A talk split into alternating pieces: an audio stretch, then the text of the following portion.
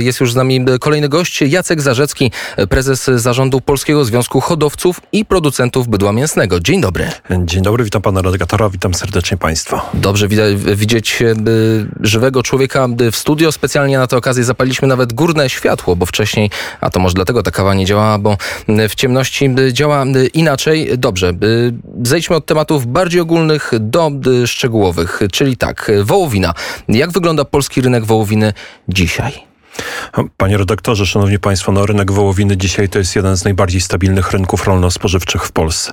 Wystarczy powiedzieć to, że polscy hodowcy i producenci zarabiają o 25% więcej niż w roku ubiegłym, a swoimi cenami dogoniliśmy już, przewyższyliśmy ceny, które otrzymują hodowcy z Niemiec, więc to jest dobry prognostyk. E, oczywiście przy rosnących kosztach e, produkcji paszy, e, rosnących kosztach nawozów, rosnących kosztach paliwa, no można przypuszczać, że za rok, półtora ta cena będzie jeszcze, e, jeszcze wyższa, ale dzisiaj możemy być e, optymistami, jeżeli chodzi o sektor wołowiny, podkreślam. Czyli możemy być potentantem e, w dziedzinie wołowiny?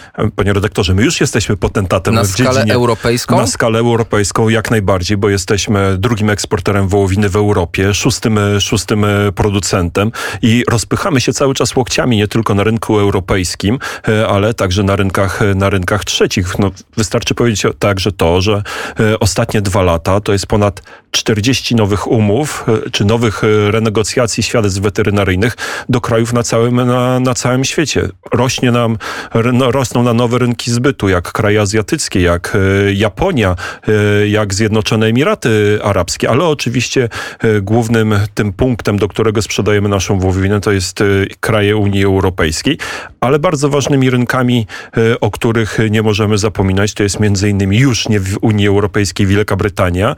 No i oczywiście od pewnego czasu obserwujemy takie rosnące tendencje, jeżeli chodzi o Norwegię, no i trochę kraje dalej, czyli Uzbekistan, e, Kazachstan. Ja dzisiaj miałem przyjemność rozmawiać w ambasadzie e, Kazachstanu na temat e, współpracy między hodowcami polskimi a hodowcami właśnie z Kazachstanu. No i deklaracja padła taka, że oni chcą się od nas uczyć, a to znaczy, że dobrze, to co robimy, robimy dobrze.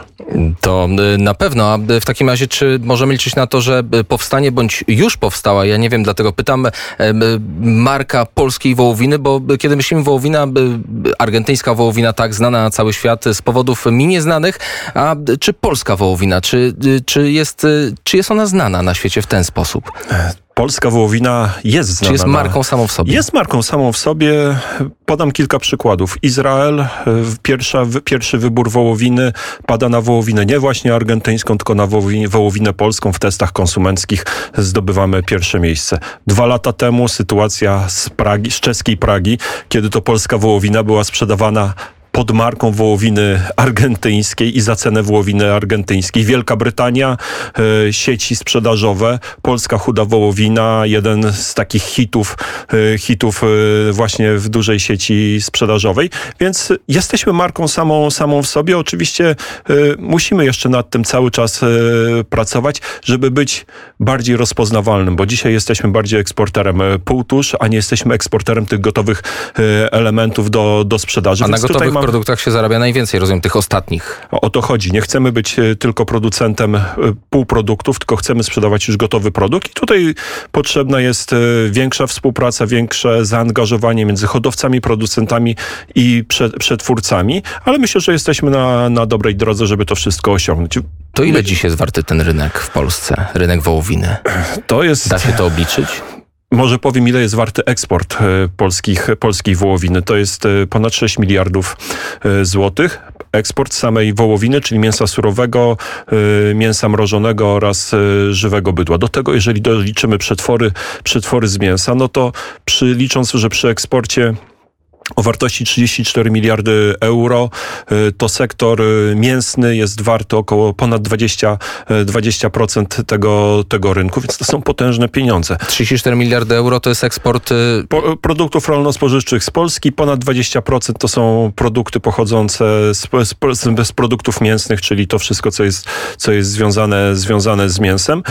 Myślę, że trzeba też zaznaczyć jedną, jedną zasadniczą e, rzecz, która ma bardzo wielkie, wielkie znaczenie.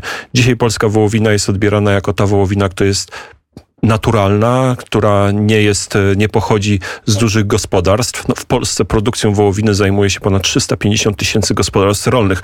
To jest stada wielkości nie więcej niż 20, 20 sztuk, więc myślę, że w, w, mówiąc o polskiej wołowinie, nie możemy mówić o wołowinie, która pochodzi z dużych ferm, tylko mówimy o wołowinie, która pochodzi z małych rodzinnych gospodarstw i to jest bardzo, bardzo ważne, na co klienci zwracają, zwracają uwagę. Czyli szybko licząc w, w samym, przepraszam, tak powiem, przemyśle to złe określenie w biznesie związanym z wołowiną musi pracować pół miliona, milion osób. Jeżeli liczymy samych rolników, to jest co najmniej 350 tysięcy, nie licząc ich pracowników. Jeżeli liczymy przemysł rolno-spożywczy, czyli przetwórstwo, to jest Cały około... łańcuch dostaw. Tak, to jest przemysł sam, to jest 123 tysiące, plus logistyka ponad 60 tysięcy.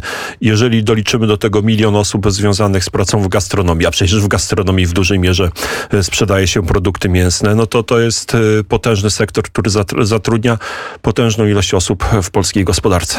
Przez Unię Europejską, przez, przez Europarlament przelewają się różnego rodzaju pomysły. Fit for 55 to jest jeden z nich, ograniczenie emisji CO2. Już wiemy, że musi to wpłynąć na podwyżkę choćby cen nawozów. Sama idea zakłada, że wszystko ma być bardziej naturalne. My już produkujemy, jak rozumiem, naturalnie.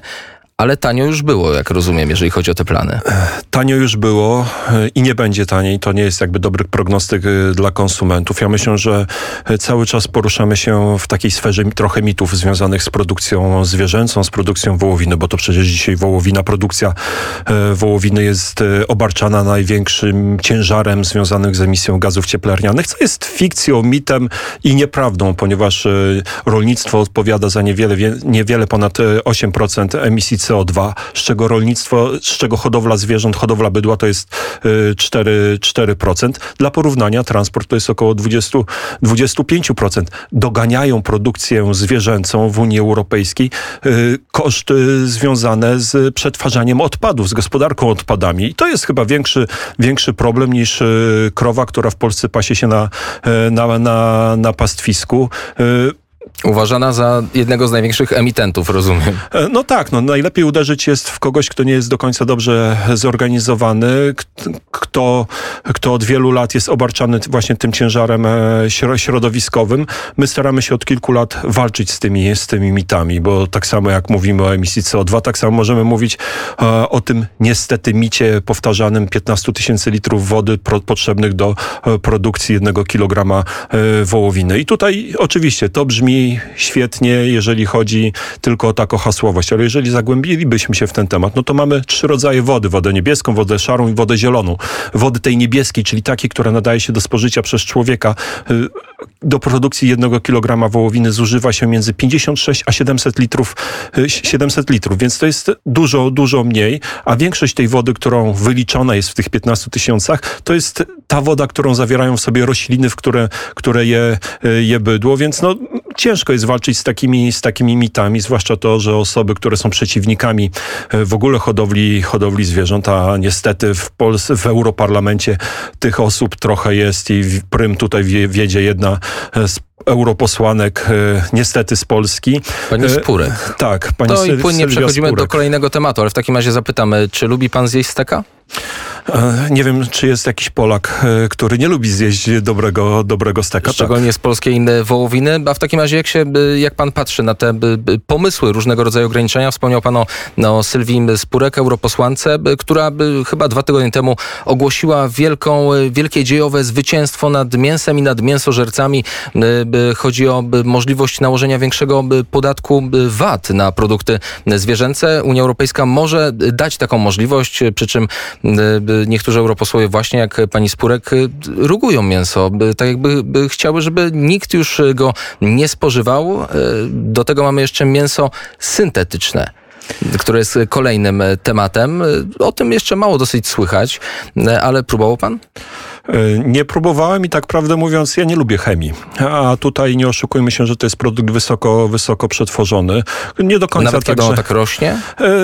Tak i wtedy, kiedy nie do końca wiemy, jakie są skutki jego jedzenia, bo to jest przecież produkt, który został niedawno wprowadzony na rynek. Ja myślę, że te deklaracje pani Spurek to jest tak jak pompowanie balonika. No on jest pompowany powietrzem, czyli powie, pompowany niczym.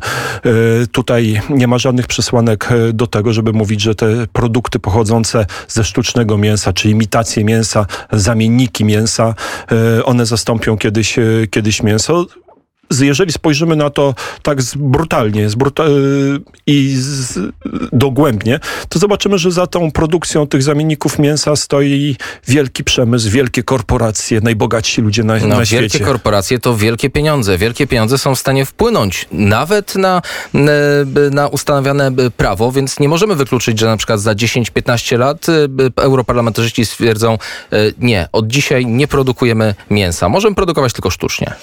Nie sądzę, żeby do tego doszło, bo przypuszczam, że to wtedy byłby ostatni rok e, kariery politycznych tych eurode, eurodeputowanych. Pamiętajmy, że tak jak mówiliśmy, rolnictwo w Polsce i rolnictwo w Unii Europejskiej to jest bardzo ważna gałąź e, gospodarki, więc z tym e, na to bym nie liczył, mimo to, że niektórzy mają takie, takie sny i takie, takie marzenia.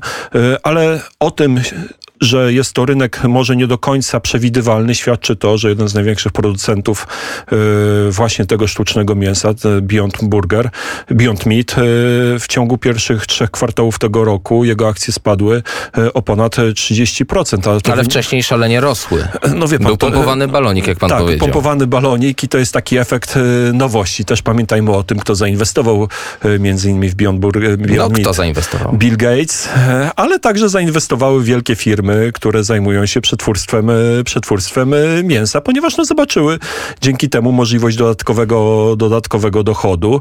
E, I mnie w tej całej sytuacji śmieszy najbardziej to, że z punktu widzenia, jak czuje się taki osoba wegańska czy wegetarianin, jeżeli kupuje takiego burgera i jednocześnie nie ma takiej świadomości, że ten burger pochodzi z tej samej firmy, z której obok ta normalna, naturalna kiełbasa, powiedzmy podwawelska, czy też, czy też, czy też kaszanka. Tutaj rozumiem, że dla nich nie ma jakby problemów e, etycznych czy moralnych. Ważne jest Ważne tylko to, jest to, co jest... na etykiecie. Tak jest. Szczególnie dużymi, ładnymi, kolorowymi literami. Wspomniał pan o Billu Gatesie.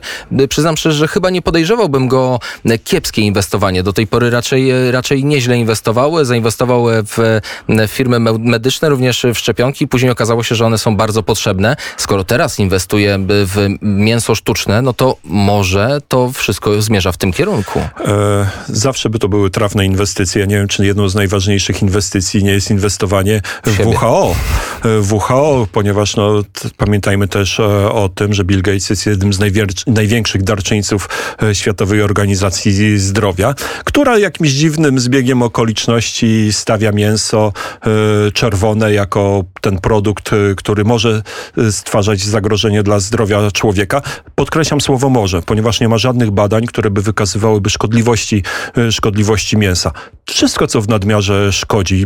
W nadmiarze szkodzi także woda dla sportowców. Kilka lat temu były sytuacje w Niemczech, kiedy kilkadziesiąt osób zmarło po zjedzeniu kiełków roślinnych, więc wszystko trzeba robić z głową i tutaj jest potrzebne bardzo dużo zdrowego rozsądku i przede wszystkim dyskusji. A co z tym jeszcze sztucznym mięsem? Polskie firmy inwestują w tego typu technologie? E, tak, e, rozpoczęły się takie inwestycje niektórych, niektórych firm, ponieważ no, widzą w tym źródło dodatkowego zarobku. No, nie Czyli tworzą sobie drugą nogę, rozumiem. E, to jest druga, druga noga, możliwość dywersyfikacji dochodów, jeżeli społeczeństwo pod wpływem jakichś, no często ideologii, bo niezdrowego rozsądku, bo o tym też powinniśmy, powinniśmy mówić, że mięso czerwone czy wołowina to jest składnik naturalnych witamin, żelaza, witaminy, witaminy B. To jest naturalny spalacz, mimo wszystko naturalny spalacz e, tłuszczu, praktycznie nie do zastąpienia, a jeżeli chcemy go zastąpić, to jest suplementacja, a suplementacja też jest produkt, produkt e, sztuczny, wysoko, wysoko prze, przetworzony. Więc no, tutaj widać, że to jest potężna gałąź e, biznesu, potężne interesy i no, my będziemy walczyli o to, żeby mówić prawdą. M- Mówimy prawdą o tym, jak wygląda produkcja wołowiny w Polsce, o tym, dlaczego należy jeść tą wo- wołowinę. Na niko, nikogo w odróżnieniu od y, osób, które reprezentują tamte lobby, nie zmuszamy do tego, żeby y, wprowadzać wyższe podatki na produkty wegańskie czy na produkty, produkty mięsne. Chcecie konkurować? Bardzo dobrze. Konkurujmy, ale na zdrowych zasadach dyskutujmy, ale dyskutujmy normalnie, a nie za pomocą y, sankcji, sankcji prawnych. Ja Kilka lat temu, pamiętam bodajże dwa lata temu, e, Komisja Europejska zapowiadała, że w ogóle nie przewiduje wprowadzenia podatku, podatku na mięso. No, co prawda nie wprowadziła, ale e, otworzyła te pierwsze, pierwsze drzwi. Jaki będzie krok następny, nie wiadomo. Dlatego jest tak ważna e, rozmowa z polskimi parlamentarzystami, eurodeputowanymi, żeby podkreślać tą rolę produkcji mięsa w, dla polskiej, dla polskiej słuchać? gospodarki. Niektórzy chcą słuchać, e, niektórzy przechodzą obok tego obojętnie, niektórzy są e, przeciwnikami, ale to jest e, zadanie, które będzie, musi, będzie, będzie trwało. My jesteśmy otwarci, tak jak powiedziałem, na każdą, na każdą dyskusję. My nie boimy się dyskutować. Czego nie możemy powiedzieć o przeciwnikach e, mięsa, którzy z uporem maniaka powtarzają, powtarzają mity, powtarzają kłamstwa. No, tam często rządzą e, emocje, a m, nie fakty. A jak pan jeszcze ostatnie pytanie, skoro rozmawiamy o rolnictwie, o mięsie, o wołowinie, jak pan ocenia zmiany na fotelu ministra rolnictwa?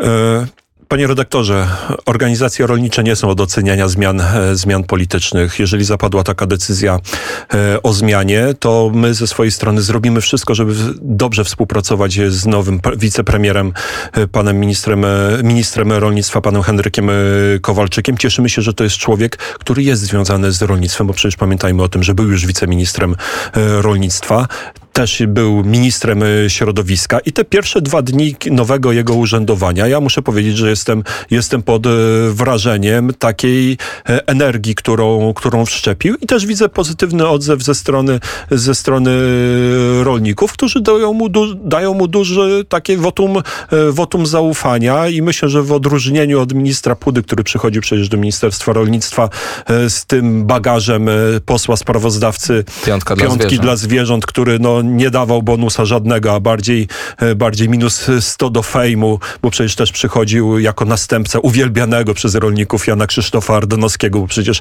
e, te protesty, które były, to e, rolnicy powtarzali murem za Ardanem, a to znaczyło, że to był pierwszy minister rolnictwa w Polsce, którego bronili, bronili ro, rolnicy, przy czym ja oceniam współpracę z ministrem Pudą dobrze, mimo tych wstępnych powiem tak, y, może nie zatargów, ale y, Różnic zdań. różnic, różni, różnic zdań. Udało nam się jednak przemycić jakąś drobną opinię. Dziękuję serdecznie za tę rozmowę. Dziękuję ślicznie. Jacek Zarzecki, prezes zarządu Polskiego Związku Hodowców i Producentów Bydła Mięsnego, był gościem popołudnia wnet.